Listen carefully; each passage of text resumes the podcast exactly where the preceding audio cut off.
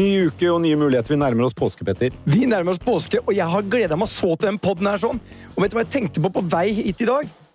Jeg har alltid tenkt at Gunhild hun er en av de dyreste damene i landet. Men nei, nei, nei! I dag får vi to stykker inn på bordet, her sånn, og de slår henne altså med eh, ikke, ikke med en hel hestelengde. Her er det Bar og McKinsey. Jeg gleder meg! Masse spørsmål! De truet med å fakturere oss for oppmøte, og det, jeg sa, det første jeg sa, det var da må dere ikke fakturere Storm, dere må fakturere Choice-kjeden. Ja, men da, vi, altså, vi må ringe på bankforbindelse DNB Da må dere selge Ja, hotell er for å betale regningen. Ja, ja. Ja. Så vi kjører på. Velkommen til dere, Elin Sandnes, partner i McKinsey, og Anne Sofie Bjørkholt, partner i Bar. Takk, takk. Eh, McKinsey er jo konsulentselskap. Eh, Myte- myteomspunnet. Ja.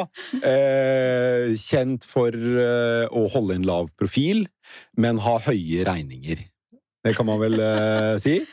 Og så har vi advokatfirmaet Bar. Bar er også Også myteomspunnet. også myteomspunnet, eh, blant annet Kjell Inge Røkkes fastadvokatbyrå. Det er advokatbyrå til veldig mange av eh, Norges eh, rikeste. Hoffleverandør Og, til eliten. Hoffleverandør til eliten, ja. Og, er ikke deg da, Petter. Nei, nei, nei. Jeg, Nei, jeg, jeg fant det- en fullmektig for mange år siden, og han ble plutselig advokat. Han var, den gangen så kost, jeg valgte han, var den billigste. Nå er han litt sånn Ikke helt ditt nivå, det, dit kommer han ikke, men dyrt nok. Du blir ikke kvitt ham. Nei, han, er blitt for, han har blitt for gammel. ikke sant? Vi har vært for sammen i for mange år. Ja. Men eh, Bar er jo eh, ditt advokatfirma, hvor du er, du er spesialisert på eh, eiendom. Eiendom og transaksjoner og sånne selskapsstrukturer Og og, kåret skatt og til sånt. Norges beste eh, eiendomsadvokat. Eh, Ja, Og eh, du hadde en, eh, en fantastisk forside på, i Kapital eh, nylig. Norges best betalte kvinne. ja, det var jo helt fantastisk. Ja. Litt absurd, eller? Ja, litt absurd. Ganske Hva, sprøtt, egentlig. hva var, eh, for de som, som ikke vet hvor mye som kreves for å være Norges best betalte, hva var det du tjente? Eh, 14,3 Millioner. Millioner. var det vel I i 2017. 2017. Ja. Og det eh, kvalifiserte da, etter det Kapital hadde regnet ut, til å være Norges best betalte kvinne, og det var jo strålende. Jeg visste ikke det, jeg, men jeg ble jo glad for å høre det, selvfølgelig. Er det Hva stigning i programmet i 2018? Eh, ja. Det er det, ja. ja. Hva sto på skatteseddelen din i fjor? I fjor eh, Det ble eh, ganske langt under eh, Ann-Sofie, i hvert fall. Men cirka? Du er i McKinsey, du, vet, du har jo alle tallene i huet, og du kan regne baklengs liksom, alle de tingene som får klare å gjøre på en kalkulator. Så lå vel ca. på tre. Tre millioner. Men McKinsey, jeg har ett spørsmål. Altså, jeg, jeg, McKinsey, det er Det, jo ble så, det, Det, jeg, ja. jeg må bare si, det er jo en utrolig god lønn. Når det ikke ble kommentert og i det hele tatt av Petter, så ble Ja, det litt sånn. Eh, så ble det litt sånn der, nei, i det er, skammekroken. det jeg har nemlig et oppfølgingsspørsmål her, sånn. For det er vel ikke hele lønna? Dere har et sånt system i McKinsey, i hvert fall ryktene sier det, at dere nærmest har en sånn bank som eh, tar seg av en del av de tingene dere tjener dere opp. Eller ikke en bank, men det er et investeringsselskap. Så vi har et uh, investeringsselskap. Jeg er ikke med på det, så jeg kjenner ikke så godt til det. Hvis du er Eh, partner, så blir du med der etter hvert. du kan velge det. Uh, jeg er ikke med det. Men har, du hotell i Østerrike hvor man kommer inn som sånn for å bli massert og kunne fakturere enda mer? vi har et hotell i Østerrike som vi bruker som opplæringssenter. McKinsey-hotellet. McKinsey-hotellet Ok, eh, i Kitzbühel. dere, eh, nå skal vi eh, slippe dere litt av lønnsgrillen. Det var ikke derfor dere trodde dere kom her. Men, men Petter og jeg har for vane å overraske gjester eh, med, med temaer, vi. Men, vi, må, vi må jo forklare litt. altså Bar advokatfirma, det vet alle hva er. Men McKinsey er altså et av de mest eh, anerkjente konsulentselskapene i verden. Og er nok rådgiver, hvis du ser på sånn Top 500 og sånt nå, tipper jeg de er rådgiver til kanskje 20% av alle de selskapene. Em, og dette er folk som du ser basically på flyplasser. Gutt, jentene kommer i en stram uniform, gutta kommer i mørk bossdress. Jeg tror ikke det er bossdress. Nei, er, nei, det er, det er Tom Ford-dress. Ja, ja, ja. Ja, og det er ikke, det er ikke det er, Du ser, det er det eneste. De har ikke en skrukk på hvite skjorta. Mm. Det er ikke noe egg. Det er ikke sånn som deg som kommer inn her med litt sånn eh, grøt fra kidden. Spredt jordbæryoghurt er jo de- eh, sånn- standard. Litt annen klespolicy her, Ja. De er sånn. Pandio-medlemmer, sånn som hvis det er fullt på flyet, så kommer de og sier bare sånn Vi må ha to passasjerer av, eh, og vi kan betale så og så mye. For da kommer disse gutta inn. Eller jentene. Boom. Men ok. Ja. Eh, Men har du opplevd det? Jeg Du har blitt, måtte flytte deg fordi McKinsey kom? Nei, jeg, jeg flytta meg jeg, jeg, flytta, jeg flytta meg ikke. Eh, men det var, det var to svensker som flytta seg opp. De var sånn Hva heter det? Pandium? Pandium? Ja, jeg er ikke pandium, men Nei, eh, det de er er en sånn del som- som har det. De bor på fly. Eh, og, disse, det- og de har altså de har, Da har det bikka litt trist. Ja, men det er, du, det, altså, Dette er tilfellet. Pandium eh, er garantert å få plass, og det er da du hører det går flyvertinnen kommer og sier Er det noen som er villig til å flytte og ta neste fly for 150 euro, 200 euro? Eh, kan overnatte på et Choice Hotel, og da skriker alle og hyler fordi Ja, ja. alle vil være med. og- Ok, Der fikk du sneket inn litt Choice-reklame der også, Petter. Men dere, vi, vi, vi skal videre i programmet. Men uh, til deg, Elin. Du er jo en, du er omtalt som rockestjerne internt i McKinsey. Vi spiste middag sammen for to år siden, Ja. da jeg var E24-redaktør, og du ble kåret til årets rådgiver av E24s Ledertalentene. Det stemmer. Um, du er vel den tredje partneren kvinnelige partneren i McKinsey og den I Oslo. yngste I Oslo, ja. Og den yngste partneren McKinsey har.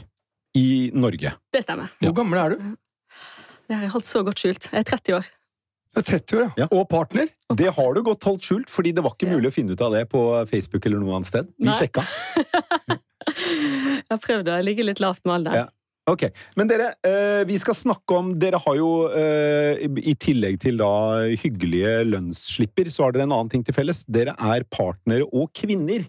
Og de er det forbløffende få av, til tross for at uh, uh, både internt i advokat- og konsulentbransjen og utenfra så har det vært et betydelig press for å øke andelen kvinner som partnere. Så det er jo en perfekt anledning nå til å snakke om det. Så da kjører vi på.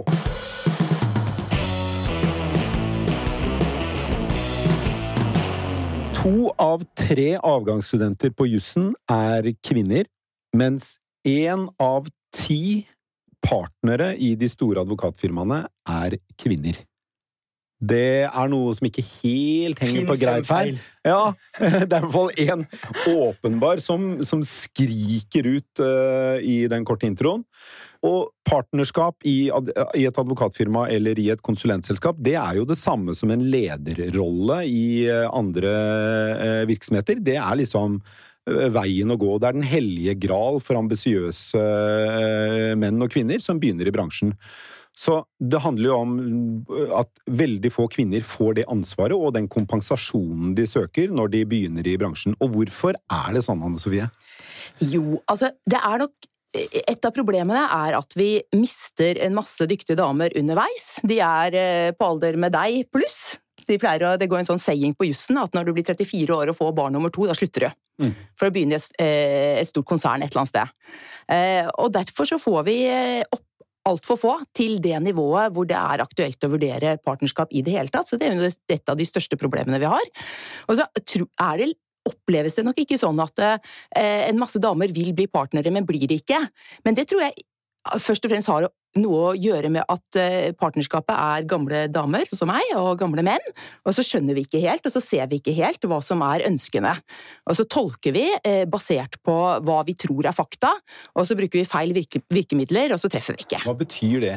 Det betyr at det, det har vært mye snakk om, og det var siden jeg begynte som advokat eh, også, det har vært mye snakk om at det er løsning, dette kommer til å gå seg til etter hvert. Eh, nå blir det stadig flere kvinner på jussen, og det kommer til å gå seg til etter hvert. Og det er et spørsmål om å få orden på eh, arbeidsfordelingen hjemme, og moderne menn bidrar mer, og så, så hvis vi i, som firma bare kan tilrettelegge med hjemmekontor og sånt, nå, så kommer dette til å ordne seg. Eh, og så har vi brukt en masse virkemidler som er knytta til nettopp det. Og så tror jeg vi ikke, vi har ikke spurt ordentlig, og vi har ikke skjønt ordentlig hva som var den egentlige utfordringen. Fordi det er ikke menn som står på hjemme, det er ikke hjemmekontor, det er ikke den type løsninger som skal få flere kvinner opp i partnerstillinger? Det er holdninger, og så er det å få skape den indre motivasjonen eh, som gir den enkelte trua på at det for det første funker, for det andre at det er verdt det, at det er noe vits i det hele tatt. Men på eh, motivasjonssida så har vi gjort veldig mye forskning på det her, og det er ikke motivasjonen det står på. De fleste, eh, både hos større selskap og hos oss, som kvinner, har lyst til å bli ledere. Eh, Det de mangler, det er troa på seg sjøl og støtten i selskapet til å kunne lykkes, og til å forstå hva som kreves for å Troen lykkes. på seg selv, er det den typiske Det som gjerne tilegnes kvinner som egenskap, at de, de tror ikke helt at de, altså de takker bare ja til det de er sikre på at de klarer, mens menn takker ja uansett, bare det er et kult tilbud. Det er nok absolutt noe i det, å tørre å være uredd når det kommer muligheter, selv om man kanskje ikke har alt som kreves. Har man nok? Det, det er sånn, jeg tror jeg er sånn, er sånn Hvis gutta følger ikke an 80% av de kravene som blir stilt, så er de all in og føler at dette fikser jeg fint. Jentene fokuserer på de 20 de ikke kan, og så tør de ikke å smukke til. Jentene må bli tøffere. Altså, og, Men hvorfor men tror du ikke de tør å smukke til? Da? Tror du Ja. ikke det har litt grann med alle de, de små tingene man blir fortalt hele tiden oppover, eh, og som gjør at du i en sånn valgsituasjon bikker til den trygge sida? For det er ingen som har gått og sagt til deg at vet du, du har det som trengs. Så de trenger deg. også å ha riktige mentorer og sponsorer. Og det er jo ofte et ansvar som legges på den yngre motparten. Men hvis en ledergruppe er alvorlig om å få flere kvinner i ledergruppa, så må de også si at jeg har et ansvar til å være sponsor og være mentor for noen som ikke ligner på meg sjøl, og som jeg ikke kan diskutere fotball med i lunsjen, men fordi jeg har troa på deg som et ledertalent, og at de kan bli del av denne gruppa seinere. Men hva er det da av det kulturelle i McKinsey og Bar som gjør at det ikke blir flere kvinnelige partnere? Så for vår del, vi har jobba veldig strukturelt med det over lengre tid. Eh, Hva er kvinneandelen partnere i Bar? Nei, i I McKinsey. McKinsey, globalt uh, har jeg faktisk ikke tall. I Oslo er vi 10 vi er 10 10%. partnere. Er den ene partneren. Ja. Uh, og den, på en måte den tredje partneren på eh, 35 år vi har vært i Oslo. Så vi, Mm. vi har ikke på en måte en eh, fantastisk track record. Men det er også noe som tar tid. altså Du får ikke inn en junior associate som er mot startnivå med oss, og så blir de partner etter et par år. Det tar flere år å gå gjennom den funnelen. Men i bar hvor du jo bader i partnere, det er, veldig, altså det er jo et stort advokatfirma, så det er jo langt flere partnere enn det er i McKinsey. Jeg vet ikke Hvor mange partnere er det 34, tror jeg vi er. 34, så det er tre eller fire kvinnelige partnere, er da. Fire. Fire av 35, tror jeg vi er. Eh, Så er det jo en, eh, en, en forbløffende lav andel, for jeg vil tro at Bar eh, ansetter omtrent 50-50 kvinner og menn som når de er nyutdannede. Ja, vi ansetter litt flere kvinner enn menn, Litt flere faktisk. kvinner enn menn nå, ja. Fordi det er, og det er jo, statistisk sett så er jo det naturlig, når det er to av tre avgangsstudenter er kvinner. Så, så, og dere har jo jobbet med dette i mange år. Dere har i hvert fall sagt at dere har jobbet Vi med det. har, har vært stre, opptatt av det. strevet på, så vi har jobbet med det, men vi Hva har jo ikke i- helt fått det til, da. Nei, og hva i bar er det som gjør at selv om 50-50-60% av de nyansatte er kvinner, så er det bare 10% av partnerne som er kvinner. Jeg tror det er en summa av mange ting. Hvis vi ser bort fra de kvinnelige egenskapene som vi snakket litt om. Ja, jeg tror det er en summa av mange ting. Eh, Dels så er det det at det er mest eh, mannlige forbilder. Man trenger noen å, å se som er litt lik en, litt grann lik en selv, da, som står, ikke nødvendigvis mann eller kvinne, men som har litt av de samme verdiene som man kjenner seg igjen i. Så at man ser at dette kanskje kan være noe jeg kan trives med. Og så tror jeg det over tid, fordi at det, det snakka vi litt om før sending også, så er jo advokatfirmaene er jo en pyramide.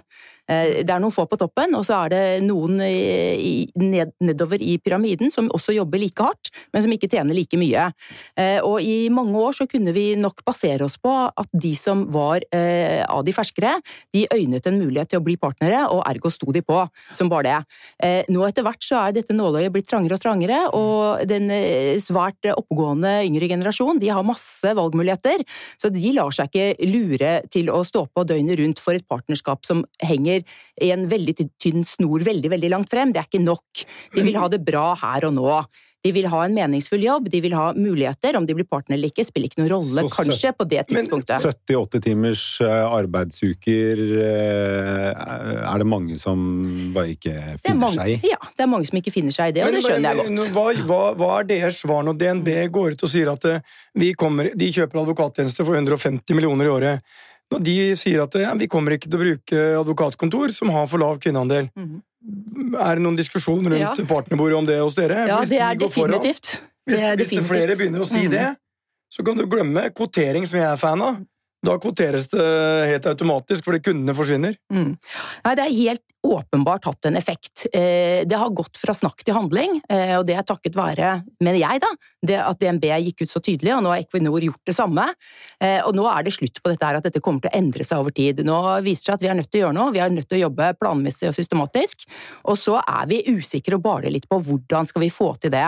Og da har vi jo sett litt hen til vårt store forbilde, McKinsey. Så om kommunikasjonsbyråene har advokatene som forbilde, så har advokatene McKinsey som forbilde.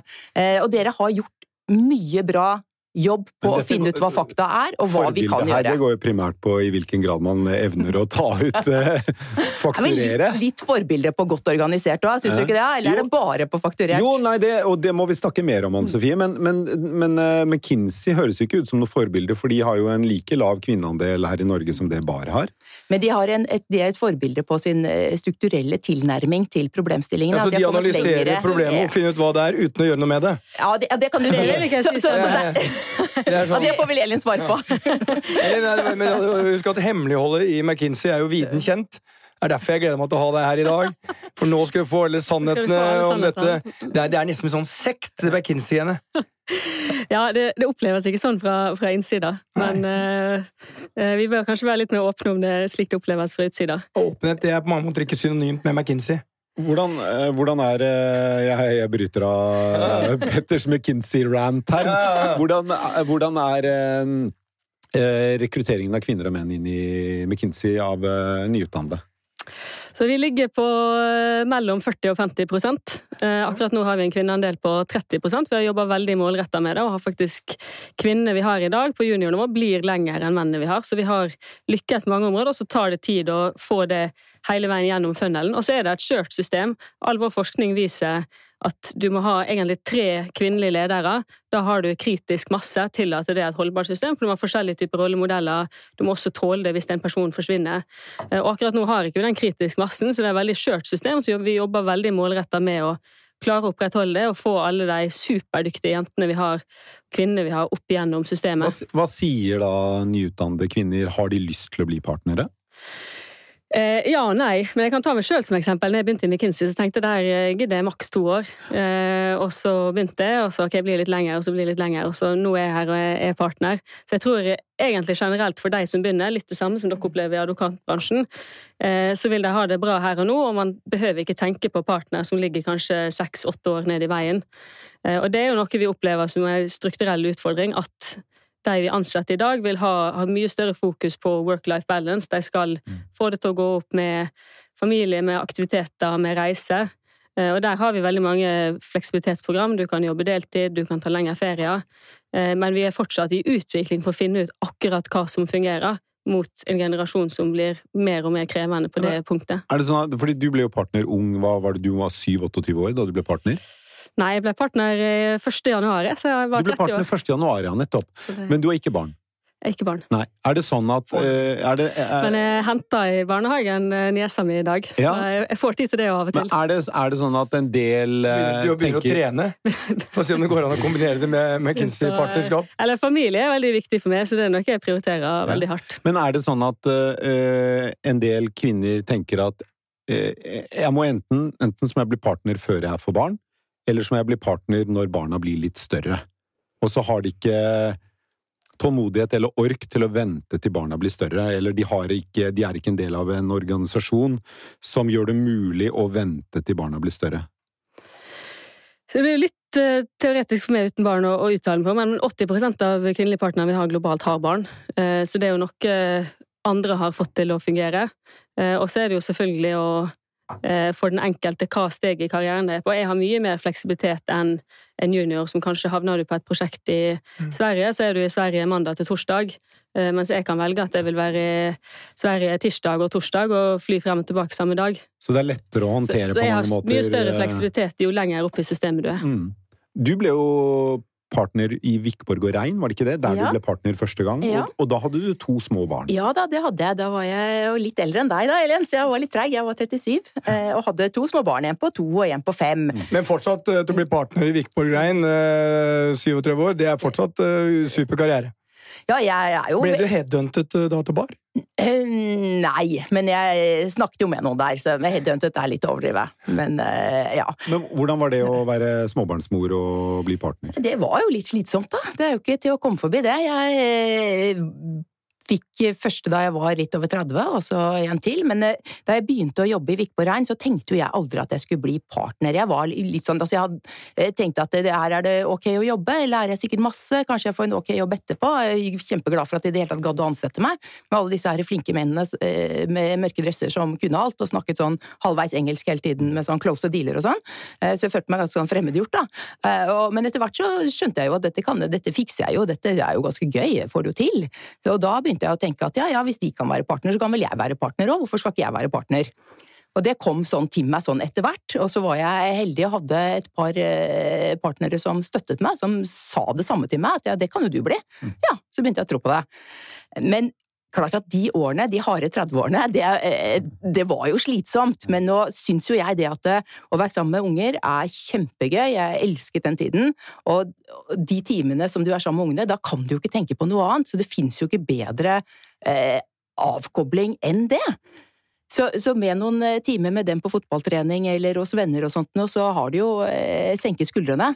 Jeg merker at det er nesten litt verre nå, når jeg ikke har noen unger å gå hjem til. Og må, gjør du mer nå enn du gjorde da barna var små? Nei, jeg gjør egentlig ikke det. Tror jeg. Jeg vet ikke helt. Kanskje litt mer. Jeg sitter litt mer utover kveldene fordi jeg kan. Ja. Eh, men så jobber jeg litt mindre, sånn fra klokken ni om kvelden til klokken tolv på hjemme-PC-en, fordi jeg slipper. Jeg har, jeg har, fått min dose med å jobbe på hjemme-PC-en om kvelden. Da du gikk inn som uh, ung advokat da, i Vikeborg og Rein, og du hadde alle disse mennene i mørke dresser som snakket om å close dealer og sånn, var det fremmedgjørende? Var, ja. det, var, det, en del av den kulturen du snakket om som gjorde at det var ikke naturlig for deg? Ja, det var uh, definitivt fremmedgjørende, og jeg så ikke meg selv i en sånn uh, rolle i det hele tatt. Likte du den ikke noe særlig? Nei, jeg syns likte det ikke. Det var ikke, var ikke meg. Jeg var enkel sjel fra Moss og skjønte ikke enkel ordentlig hva de snakket om. Sjel fra Moss. Sjel fra Moss, vi kan si sjel, jeg er med på den. Men nei, det var Og, og også kommer ikke fra advokatfamilie, hadde ikke hatt noe særlig ekstra jobber på advokatkontoret og sånn, så hele den verden var litt fremmed for meg. Jeg ble smigret av at de ville ha meg der, og da kom jeg jo løpende, men jeg tenkte jo ikke at det skulle gå at jeg skulle bli en av dem. Det mm. tenkte jeg ikke. Var det en fordel å ikke ikke ha advokatbakgrunn, ikke helt vite hva som ventet deg? Ja, på en måte så tror jeg det var det. Eh, fordi da gikk jeg jo inn i det med mer med et sånt åpent sinn, og jeg hadde ikke noe sånn prestisje at dette måtte jeg få til for det hadde mor og far og farfar gjort. Eh, det tenkte behøvde jeg ikke tenke på. Jeg... Liksom fem generasjoner med advokater ja. hengende over deg som en greve, greve, greve. Ikke, ikke greve, greve, greve, greve og Lorentzen. Ja. Slapp det. Eh, og da var det jo ingen som sa til meg heller at ja, jeg kjente din far, og sånt. Ja. Og det, sånne ting slapp jeg unna. Men det er stammekulturen her. Eh, I McKinsey altså, Det er jo sånn stammefølelse man har, liksom. Og jeg har et klart bilde av hvordan McKinsey-greia er.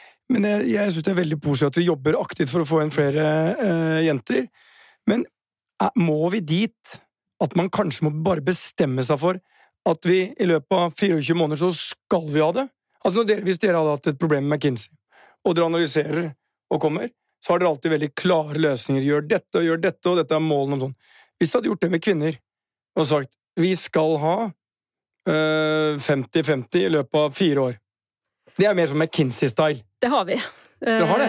Dekker det er ikke fire år. Eh, akkurat hva tidsperiode det er, men vi har et 50-50-target som er kommunisert globalt, og eh, som det er kjempefokus på. Hva skjer hvis dere ikke når det målet?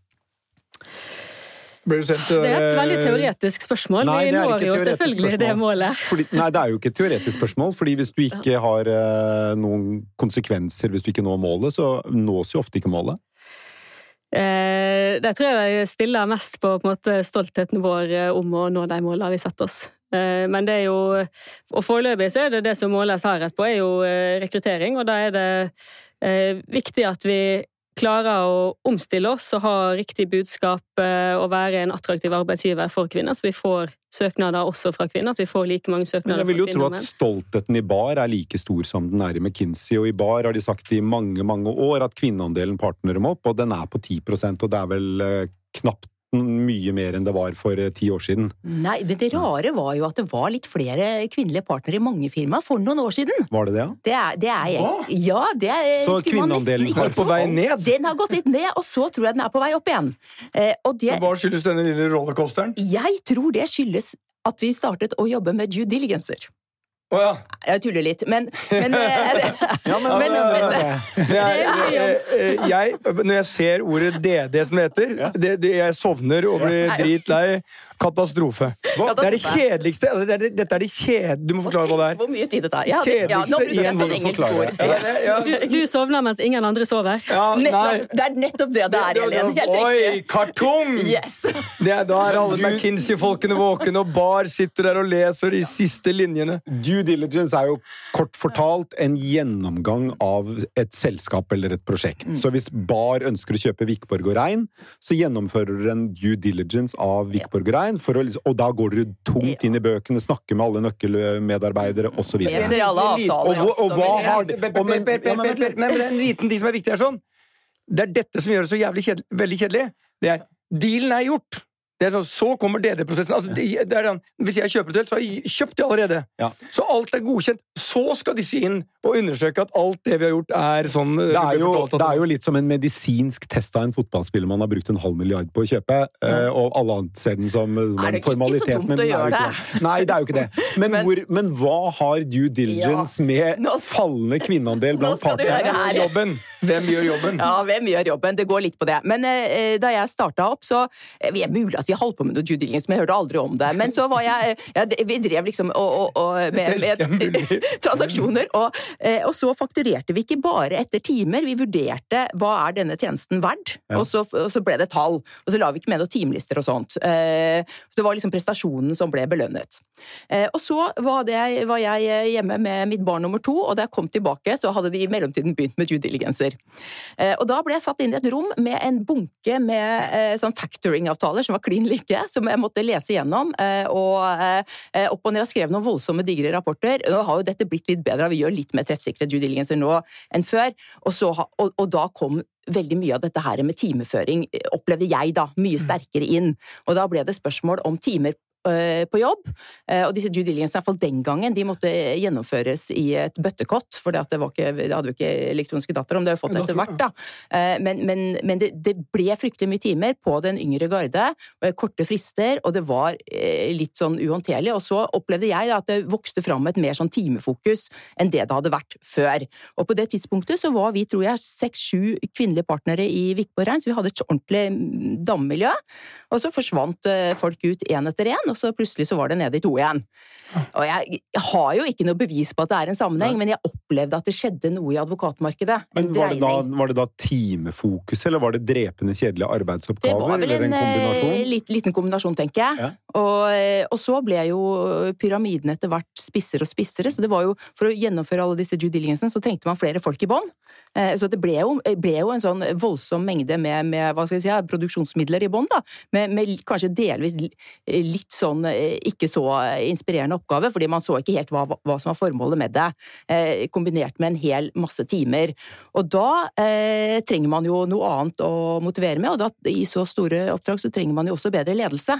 Man må jo eh, kommunisere til hele flokken. Hva er det du er med på nå? Hva er det som er viktig med dette? Hvorfor er, er din innsats eh, også eh, like viktig som de andre? Hva, hvor er det vi egentlig skal? Men i, i McKinsey så er det akkurat like stor eh, andel partner, altså 10% som du er i bar.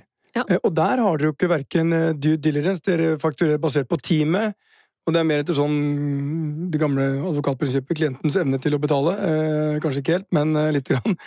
Så dere, bør- dere bør ikke ha det samme eh, Kall det due diligence-problemstillingen, men allikevel så er resultatet akkurat samme. Så same, same but different. Same, same but different. Vi gjør for så vidt også kommersielle due diligences. Men det er litt Eh, mer spennende. litt- Jeg syns det er kjempespennende, men det er ofte veldig korte tidsfrister, og da blir det måte, et naturlig høyt eh, arbeidspress. Eh, Og så er det ikke sikkert en stol at vi, vi jobber jo mye, og så har vi en modell der vi er satt opp som et eh, internasjonalt partnerskap. Eh, Om det er behov for det på et prosjekt i Stockholm eller i London eller i Sydney for den del, så må du ut og reise. Så jeg tror ingen tvinger deg til å dra til Sydney, men til Stockholm kan du fort bli, bli satt på et fly. Utkommandert. ja, egentlig. Og da er det vanskelig om du skal hente i barnehagen eh, klokka fire hver dag, så kan ikke man gjøre det fra, fra utlandet. Er de sånn no mercy? Hvis du som partner sier sånn Vi må ha et team i skal til Stockholm. eh, Mandag-torsdag. Reis, reis på mandag. Og nå er det fredag. Det kan skje. Det, det kan skje, og så er vi menneskelige oppi det. Altså, om noen eh, har noe viktig, så hensyntar vi det. Men, men det, blir jo, det blir jo et reiseelement. Eh, Og det er jo ofte på en måte, en utfordring jeg får fra mine venner. og Hvor lenge eh, holder du ut med det her, og kan du reise så mye, osv. Og der føler jeg at det er en veldig stor fordel med å være fra Vestlandet, for der er det jo ekstremt mye eksportorientert industri. Så jeg har veldig mange venner der som også reiser mye, eller som er på sjøen eh, kanskje fire uker i strekk. Så det at jeg reiser mye, da blir på en måte veldig Mye å bruke. Hvor mye jeg jobber i uka? Jeg jobber vel eh, i snitt eh, 60-65 timer. Og det er inkludert eh, lørdager og søndager, da? Jobber du alltid i Jobber- helgene? Veldig sjeldent helg. Veldig sjelden helg. Ja. Ja. Det 12 eh, timers arbeidsdager, 13 timers arbeidsdager. Ja, stort sett så starta jeg eh, Jeg er på jobb i åtte-ni tida, og så jobber jeg til åtte-ni. Om det er mye å gjøre, så sitter jeg til tolv. Så eh, Veldig mange program på TV du ikke får med deg. Jeg ser veldig lite TV. Altså, jeg er kjempefan av alt som er on demand. For da kan jeg se det når jeg vil. Så, Eh, I bar eh, 10 kvinneandel. Har dere noe mål om eh, kvinneandel om fem år eller ti år? Er det... Vi, eh, vi diskuterer med oss selv om vi skal uttale et mål, mm. og så er vi liksom i en prosess. Vi er litt redd for å gjøre det òg, for Ja. da får vi jo det spørsmålet som du akkurat stilte til Elin, hva Ja. hvis dere ikke når det? Ja. Så, så vi er ikke helt i mål på den diskusjonen. Men vi skjønner jo det at eh, når eh, den gode arbeidskraften har noen krav eh, til oss, eh, så, så, så er det jo ikke deres problem, det er vårt problem. Får dere signaler fra flere kunder eh, at de kommer til å stille de samme kravene som det eh, DNB og Equinor har gjort? Jeg har ikke hørt noe ennå, men, men eh, det, jeg forventer jo egentlig at de skal gjøre det. Både andre store innkjøpere og det offentlige. Har dere diskutert noen gang, eh, for det kunne man jo fint gjort eh, i McKinsey da, for eksempel, så hvis man virkelig mente at ok, om tre år så skal vi ha 50 eh, kvinner. Det betyr jo at, i så fall at fire menn må ut av partnerskapet, hvis man ikke skal øke partnerskapet totalt. Ja. Kunne man kjøpt ut fire av de mannlige partnerne og sagt ok, vær så god, ha det, nå skal vi hente inn Lise, Trine, Kristine og Mona som nye partnere. Og så om fem år er vi 50-50. ja, eh, så jeg tror for vår del så ser vi også etter å, å vokse partnerskapet. Eh, Så vi håper jo eh, fremover, så er målet vårt at eh, det kommer eh, 50-50 nye mannlige og kvinnelige partnere. Så løsningen er å vokse partnerskapet og ikke få ut menn. Eh, Og så er det jo en eh, naturlig attrition, men jeg, jeg tror ikke vi har noe mål om å få ut eh, menn. Det- Få ut han a- Rolf, han har vært partner altfor Vi lenge. har, eh, vi har dyktige folk vi har lyst til å beholde. Ja. Men altså, jeg, jeg tror du er inne på noe av det som kan være løsningen. For det er klart, hadde det kommet krav, som du er innom, fra det offentlige, og som det gjør på veldig mange ting om dagen, og fra de største selskapene, nå er DNB, Equinor, si at du får de ti største og sa vi jobber ikke med selskaper, altså type konsulentselskaper og advokatselskaper, som har mindre enn 40% kvinneandel, og det skal være så og så mange på partnivå, skal være så og så mange der. Da skal jeg love du hadde fått endringer på kort tid. Jeg tror fort du kunne fått den type Altså, løsninger. jeg, jeg mener at sånne ting er effektivt. Vi hadde brukt 50 år hvis vi hadde venta på at uh, i styrene i norske børsnære selskaper så skal det være 40 kvinner. Vi, vi, vi, vi kunne venta, for det er mm, gamle menn over 50 i mørk dress, med andre ord en av de som står her, undertegnede, er de, de rekrutterer de som har gått omtrent på samme skolen og samme same, same, same. Men idet kravet kom, så ville det ikke skjedd når vi blitt sånn McKinsey-mål. Ja, vi har mål om det, men det er ingen straff. Men straffen var det som gjorde at det skjedde på ett år. Hvis ikke du har det på plass i løpet av ett år, så stryker vi deg børslista. Men det er jo, det som, er- det er jo litt Håndtering, det er det jeg sier. Ja, det, men det er litt enklere med styret, for da blir du gjerne valgt for ett eller to år av gangen. Så det er en naturlig rullering. Men det er jo litt verre å kaste ut sine mannlige kolleger, da. Det kan vi jo nesten ikke gjøre, og ikke har jeg lyst til å gjøre det heller. Nei. Og Så de det går jo ikke gratis. Hvis de tjener 10-15 millioner i året, da, så er det jo dyrt å få dem ut òg. Ja, det er både dyrt og unødvendig, syns jeg. Så vi må, må nok eh, akseptere at det kommer til å ta tid, men det, de kravene som innkjøperne stiller, og som jeg syns de bør stille, er at vi har en, en vettug plan på dette her. At vi, og, og at vi viser til resultater for hvert eneste år framover. I, I Stormkast har vi ingen tradisjon for å gå for liksom evolusjon. Vi går for revolusjon. Så vi vil at ting skal skje i går. Eh, men en, en ting som må sies, det er måten du snakker på er sånn. Det er sånn eh, Det sto i en eller annen intervju om det, kanskje det var i Kapital, at eh, når det kommer noen advokater inn i rommet, så øker ofte konfliktnivået. Men når du kommer, så senkes det. Diplomaten kommer inn, og det blir hyggelig. Og det tenkte jeg da jeg leste det. Veldig fint. Du jobber på eiendom. Jeg gjør mye eiendomsgreier, tenkte jeg. Jeg har alltid drømt om å ha en som kommer inn, og som ikke øker konfliktnivået, og ser sånn Hvordan skal vi bli enige om dette? Hva har vi her? Så det er fint. Kanskje, kanskje kvinner er spesielt gode på det. Ok, vi runder av med den. Og så skal vi til ukas bær, Petter. Ja.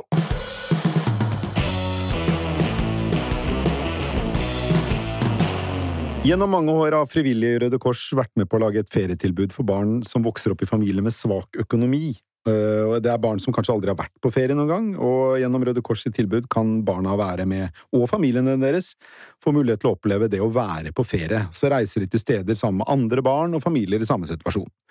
Og sånn får de en felles opplevelse og felles minner.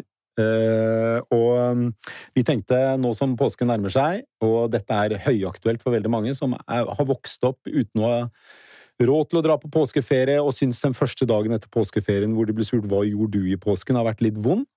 Tenkte å sende et eh, bær til eh, alle de som arrangerer den ordningen for Røde Kors.